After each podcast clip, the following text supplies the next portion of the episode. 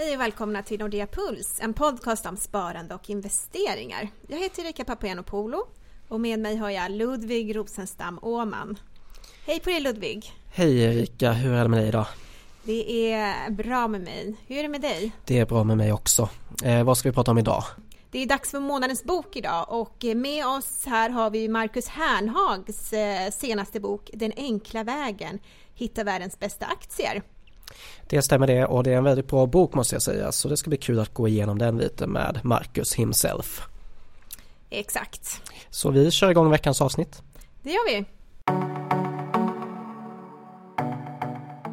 Välkommen hit Marcus Hernhag. Tack så mycket. Du har ju precis kommit ut med din tredje bok som heter Den enkla vägen, hitta världens bästa aktier. Det stämmer. Kan inte du berätta lite grann vem du är? Eh, så jag har vikt mitt yrkesliv till aktier. Det är också min hobby och jag fick chansen att skriva en, en tredje bok så blev ämnet just värdeaktier och då tog jag förstås den chansen. Jag har ju tidigare jobbat åt och på privata affärer men jag är frilans och har en del egna sajter och projekt också. Eh, jag måste bara börja säga att det är en väldigt bra bok tycker jag. Det är en bok tack. som jag har saknat när det gäller just svenska aktieböcker så bra jobbat där. Mm, tack. Eh, men jag tänkte om vi kan börja med att definiera lite vad värdeinvestering är för något. Hur skulle du definiera värdeinvestering? En värdeinvestering då har du ett mindset, ett fokus där du tittar mycket på vad placeringen egentligen ska vara värd och så jämför du det med vad priset är just nu. Egentligen handlar ju alla investeringar om det. Skillnaden här är att här är kraven lite större på att priset just nu ska vara lägre än det verkliga värdet. Eh, så det är, ett, det är ett mindset där man ofta hamnar på tillräckligt säkra men ändå bra bolag, bra investeringar och bra kassaflöden och så vidare. Så man får mycket värde. Eh, I boken så fokuserar jag också på att berätta hur man ska leta efter värdeskapande bolag som skapar värde i samhället och för sina kunder. Förr eller senare så kommer det ju då bli en massa värde även för aktieägarna. Så att det blir en värdeinvestering på så vis. Men varför tror du att majoriteten av de framgångsrika investerarna har använt sig av en sån här värdestrategi? Eh, man lär sig hantera riskerna väldigt bra. I och med att mindsetet är så mycket mot värdeskapande och få värde för det man köper så tenderar man att hålla nere riskerna. Alla stora placeringsmästare brukar ju betona det att man får ganska dåligt betalt för skyhöga risker och sådär. Men håller man på med låga risker och bara ackumulerar under tillräckligt lång tid så blir det till slut väldigt stor effekt. Och det är effektivt med värdeinvesteringar på så vis. Det, man kan lättare vara passiv också. Så att man kan göra annat under tiden och ja, göra två saker samtidigt. Liksom. Okay. En effektiv, bra strategi. Eh, jag tänkte på det, jag tycker att det kan finnas en tendens bland eh, personer som kallar sig värdeinvesterare att man tänker att ja, men, det är alltid okej att köpa bra bolag som har värderats ner kraftigt för att bra bolag kommer alltid att vända till slut. Håller du med om det? Att det kan finnas en tendens att man inte kollar tillräckligt mycket på de långsiktiga trenderna i, i branschen och sådär? Oh ja, eh, det är ett mänskligt drag att tycka något ser billigt ut så fort det går ner. Det är sant att vi ska köpa när det ser som mörkast ut men det kan alltid se ännu lite mörkare och ännu lite mörkare. Och bra bolag kan sluta vara bra så att man ska inte kasta sig efter till exempel H&M bara för att aktien har gått ned. Utan börja fundera på hur mycket värdeskapande det verkligen finns eh, utifrån de omvärldsförändringar som sker. För att ta ett exempel. Det känns som att du har ganska mycket fokus på det här med långsiktiga trender. Eh, stämmer det? Ja, jag tycker man tjänar ganska mycket på det. Det krävs ju... Alltså jag tycker man kommer mycket längre med allmänbildning, sunt förnuft, se trenderna i samhället och vad, vilka bolag gynnas av det. Eh, och börja i formler eller avancerade kassaflödesmodeller. Det kan ge ett gott råd, absolut. Men eh, det är inte där vanliga privatplacerare ska börja precis utan tänk enkelt liksom. Det, det är kraftfullt men det funkar. Men du, hur väcktes ditt eget intresse för aktier? Ehm, jag brukade spara veckopengar redan som liten så att någonstans där var jag kanske dömd att hamna på aktiespåret förr eller senare mm. med sparande och ackumulering av kapital. Men det väcktes när jag började prata aktier med pappa någon gång när jag pluggade ekonomi. 1998 eh, på sommaren där, precis innan börsraset. Det var en eh, lärorik start. Sen uppgången hösten 99 och en ny krasch. Det var eh, tufft men lärorikt och intressant. Absolut, man ska vara med om några sådana för att faktiskt lära sig just hur det känns när aktiemarknaden går ner på riktigt. Ja, verkligen se de långa trenderna också. Inte, man dras ju lätt med i den korta trenden. Men zoomar man ut 5-10-årigt kursdiagram och så då får man ett annat perspektiv än det där hjälp, det har gått ner 5% vad gör jag nu? Det tänket ska man ju komma ifrån lite grann och veta, se de långsiktiga trenderna. De är ju lättast att upptäcka också. Och de förändras inte så ofta heller så att det är klart, där ska man börja. Och sen nischa in sig då ju duktigare man blir på kortare och kortare om man kan och vill. Har du någon specifik målsättning med ditt eh, aktiesparande? Eh, det har alltid handlat om frihet och trygghet i livet. Eh, just eh, senaste fem, tio åren så har det blivit mer och mer mot att jag vill kunna leva på aktieutdelning. Lite mer specifikt mål men då är frågan vilken månads årsbudget vill jag leva på? Hur mycket pengar? Det beror på vilket liv jag lever så jag vet, det går, jag vet inte exakt vad jag behöver men det är ungefär det är lite luddiga målet. Eh, när vi ändå är inne på det du pratar om utdelningar eh, skulle du vilja definiera din egen strategi? Eh, I första hand är det utdelningsstrategin. Jag vill ha högutdelare och jag vill ha bolag som höjer utdelningen, helst varje år. Då oftast direktavkastningen lite lägre, men det kan det vara värt. Sen kompletterar jag med en del andra placeringar, tillväxtaktier bland annat, men historiskt sett så har ju tillväxtaktier som Hexagon och Nibe tillfört väldigt mycket värde. Och även om de aktierna såg dyra ut en gång i tiden och fortfarande ser dyra ut så har de ju oftast visat sig ge en hel del värde i alla fall. Så att värdeaktier inom citationstecken. Du skriver i boken att man kommer missa en stor del av avkastningen om man undviker att köpa aktier när KP är högt, alltså det cykliskt justerade P talet Kan du utveckla det? Uh, så värderingar är bra att titta på men det säger väldigt lite om timing historiskt sett, om man räknar ut börsens hela P tal och sen räknar på de senaste tio årens vinst, då får man ju Schillers P tal och Börsen kan ju vara högt värderat utifrån det för att vinsterna stiger för det är så goda tider. Va? Så man måste titta på vinsttrenden eh, och konjunkturtrenden också och inte bara titta på värderingen. Just nu på börsen så har vi ganska höga värderingsmässiga risker men allt ser ju bra ut så det säger ju ingenting om tajmingen direkt. Så skulle en buy and hold strategi kunna vara ett sätt att eh, hålla kvar och faktiskt ta del av den sista uppgången på aktiemarknaden? Buy hold lämpar sig väldigt väl för väldigt många.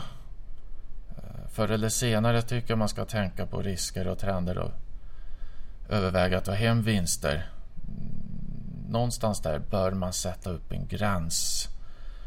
Vi har ju sett hur det kan rasa var, ja, var femte år ungefär. Senast var tionde år och sådär. Men det beror också på hur man reagerar när det går ner. Har man svårt att sova om natten eller ser man bara köplägen överallt. Så att det är också en individuell faktor hur, man ska, hur mycket man ska hold. Buy är ju bra på alla rekyler i bra bolag men kanske man ska behålla och bara mata på och köpa men jag lutar mer och mer åt att de riktigt långa trenderna kan man tajma om man vill och kan. Men du, är det svårare idag att slå marknaden jämfört med när många populära såna värdeinvesteringsböcker skrevs? Definitivt. Vi har internet och en hel liten armé i USA av utdelningssparare så utdelningsfynden är ju lite svårare att hitta. Det är många fler småsparare nu. Det var ju jättesvårt. Även i Sverige så har ju individuellt eh, aktiesparande kommit igång ganska sent. Eh, Allemansfonderna på 70-talet började ju få folk att köpa aktier och sådär i större utsträckning. Så tiderna förändras. Det är lite svårare nu men eh, jag tycker inte det spelar så stor roll. Eh, marknaden och börsindex känns inte särskilt intressant att jämföra sig med alls egentligen. Utan det viktiga är att vi har en, ett sparande som passar oss, vårt liv, våra preferenser, det vi tror på i samhället, det vi kan, det vi har tid att ägna oss åt. Hur många aktier har vi tid att följa? Om man då hamnar ganska långt ifrån Stockholmsbörsens index, ja då kan man ju inte jämföra sig särskilt mycket med det indexet. Det är lite som aktiva fondförvaltare. Om en stor fondförvaltare är väldigt aktiv då hamnar ju han eller hon längre och längre ifrån jämförelseindex och då är ju det indexet helt irrelevant. Så är man aktiv och anpassar sig efter det man vill ha men då finns det ingen marknad att jämföra sig med egentligen. Eh, men visst, det är fler som håller på med aktier och det blir mer bättre och bättre informationssymmetri som det heter. Då totalavkastningen kanske blir något lägre. Just för att de stora fynden inte finns utan det blir mer normalt prissatta tillgångar. Eh, du tar ju utgångspunkt i en riktig klassiker också, eh, The Intelligent Investor av Benjamin Graham. Eh, jag tycker själv om den boken mycket och jag gillar tanken på att utgå ifrån tumregler när man investerar. Men skulle du kunna beskriva lite varför vissa av de här kriterierna inte fungerar lika bra som för de som finns i kapitel 14? Där? Med en anledning att räntorna är så otroligt mycket lägre nu för tiden. Och det påverkar ju värderingarna. Eh, oavsett om vi tar P talet eller hur substansen värderas. Ja, förutom att börsen långsiktigt kan vara väldigt högt på grund av räntelägen och annat så det skiljer sig ganska mycket från bransch till bransch. Jag tycker inte att Benjamin Graham var väldigt bra på sitt vis och all respekt för han men att sätta upp ett specifikt kriterium för en viss nyckeltal det beror så mycket på branschen. Vissa konsultbolag eller handelsbolag som Hennes och Mauritz de binder väldigt lite kapital och alltid jättehögt PB-tal. Och därmed är de aldrig någonsin köpvärda utifrån vissa nyckeltalskriterier men det kan ju vara bra grejer ändå. Så att man får ju man får alltid modifiera vissa kriterier. Och Graham nischade in sig och lyckas väldigt bra med sina sju kriterier på en defensiv eh, värdeaktie. Liksom. Och... Men du skriver i alla fall att endast fem av de här sju kriterierna räcker för att ge en indikation på att det kan vara ett bra bolag. Eh, men vilka kriterier tycker du själv då att man ska fokusera på? Jag tycker inte man ska fokusera så mycket på, på enskilda kriterier utan se till helheten. Det räcker med om fem, fem, fyra, fem stycken kriterier uppfyllda just för att det kan vara undantagsår, det kan vara olika branscher och så vidare. Men eh, du skriver också om eh, Fred Olsen Energy i boken. Eh, det var ju en aktie tillsammans med Bonheur som var ganska populär på olika värdeinvesteringsbloggar ett tag. Vad var det som gick fel där? Man hittar mycket skifferolja i Nordamerika. Det var egentligen det som hände. Då startade oljepriset väldigt mycket. Och eh, marknaden såg en risk för sådana saker så det var ju alltid väldigt låg värdering och hög direktavkastning för hela eh, oljeserviceindustrin i Norge. Men det blev mycket värre än vad man hade kunnat tro på den biten. Eh, så att eh, det visade sig vara värdefällor det såg ut som ett värdebolag men det var en ren fälla att gå i. Så att jag klarade mig att sälja i någorlunda tid men en intressant lärdom faktiskt. Specifik bransch också med olja och så kallad marginalprissättning på oljeprodukter. Jag tänkte, kan du beskriva lite mer vad en värdefälla är för något? Ja, så i till exempel Fred Olsen Energy så hade de P tal på 5, 6, 7. Och behåller de vinsten oförändrad är ju det eh, ett fullständigt fynd. Då kan man ju räkna med kanske 20 procents avkastning om året. Men det visar sig bara det visar sig finnas en anledning till att de handlar så lågt. Eh, så att eh, det var en fälla att gå i. Man blev lurad helt enkelt in i låg värdering. Eh, man måste så som värdeinvesterare titta mycket på kvalitet och de långsiktiga förutsättningarna. Och återigen allmänbildningen. Vad var det som höll på att hända i Nordamerika på oljebranschen och hur påverkade det resten av energivärlden? Det är den där ständiga allmänbildningen som behövs. P talet är ju alltså aktiekursen delat med vinst per aktie. Men skulle du kunna beskriva lite hur man kan använda det här P talet för att få fram ett värde på bolaget? Man kan börja med en normalvinst. Vad är vettigt för det här bolaget ett normalt år? Säg 5 kronor per aktie. Och vad är normal, eh, normalt P-tal? Kolla på börsdata eller något sånt där. Eh, och se grafen. Vad brukar de handlas med? Ja, vinstmultipeln är 20 och normalvinst 5. Men då är 100 kronor ganska normalt. Sen därifrån kan du ju sätta andra vinstprognoser eller uppskatta. H&M kanske inte ska handlas till P25 längre utan betydligt lägre vinstmultipel och sen uppskattar du vinsten till säg 14 kronor per aktie om de lyckas vända, vilket jag är skeptisk till. Och sen gånger man och får ett riktkurs. Vinstmultipeln gånger vinsten per aktie. Så att eh, man kan räkna lite så för att få ett hum om ungefär hur mycket eller lite värde man får på aktien och jämföra det med trenderna för bolaget.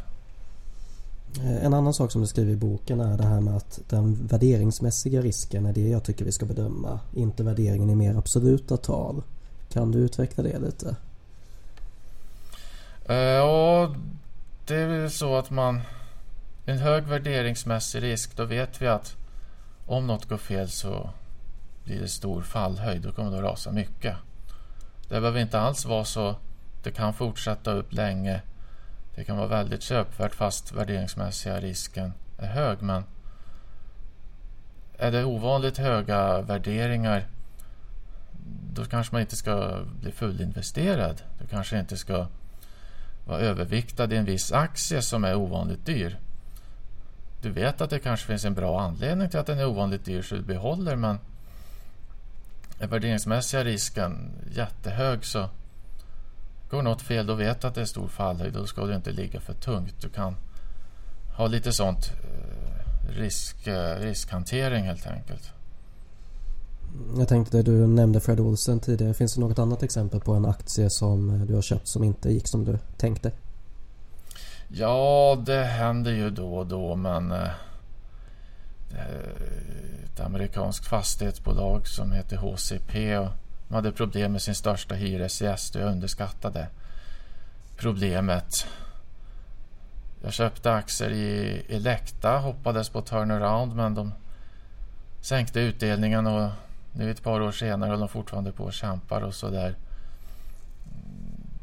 Det går inte att veta allt eller ha rätt ja, alla gånger men ofta så har det lönat sig. Riskjusterad avkastning så lyckas jag prestera rätt bra men det, det går alltid att gå i en värdefälla liksom men då ska man kapa förlusten medan den fortfarande är liten. Oavsett om man har stopploss eller något annat sätt. Jag frågar mig alltid, går bolaget bra? Jag vill bara ha bolag som går bra. Då... Fred Olsen Energy gick inte bra längre. Det var för dåligt på marknaden. Jag började se det. Och, och Elekta går inte särskilt bra egentligen längre. Och så vidare. Va? Man, får, man måste vara hård mot, mot bolaget ibland. Mm. Men du har också skrivit att eh, man inte ska stoppa aktierna i byrålådan utan ha sin portfölj på skrivbordet. Eh, förenklar man eh, aktieinvesterandet genom att säga köp bra, bra bolag och behåll dem? Ja, man kan komma långt med den förenklingen men i och med att tiderna förändras både utifrån värderingskriterierna från värdeanalysens fader Benjamin Grahams tid på 30-40-talet och framåt så, och till att vi nu har digitalisering, internet, hur helt andra branscher kommer att kunna påverkas så måste vi följa med. Vi måste ha det portföljen på skrivbordet och kolla, är bolaget bra? Gynnas det av samhällstrenderna fortfarande? I princip kan man kanske gifta sig med stora investmentbolag som Investor och sådär. Men eh, någonstans där måste man i de flesta fall vara redo att, att ta skilsmässa från sina aktier. Mm. Eh, men du återkommer ju ofta till det här att det är viktigt att vara allmänbildad. Eh, men hur blir man allmänbildad på ett sätt så att det gynnar en sätt att investera? Eh, det finns många sätt. Eh, svårt att säga. Jag, jag läser mycket tidskrifter, några bloggare, nyhetssajter, aktieböcker. Man hänger med. Alltså man kan lära, man, det gäller att läsa på rätt sätt. Läser man en kvartalsrapport eller en analys från någon, eh, en analys från Nordea till exempel.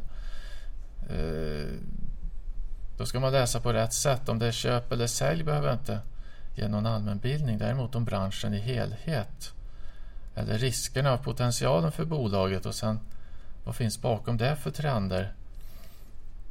Där kan man börja bli allmänbildad genom att läsa olika tidningsartiklar eller krönikor om hur vissa saker förändras. Eh, så att jag har inget riktigt tydligt svar så att jag blir allmänbildad men och vara intresserad helt enkelt av saker och ting. Mm. Det låter som ett bra tips. Eh, men du, du har ju också en ordlista i slutet av boken. Det tycker jag är jättebra. Eh, och du skriver ju själv att det finns mycket, som du skriver, fikonspråk och eh, många svåra begrepp inom aktie och finansvärlden.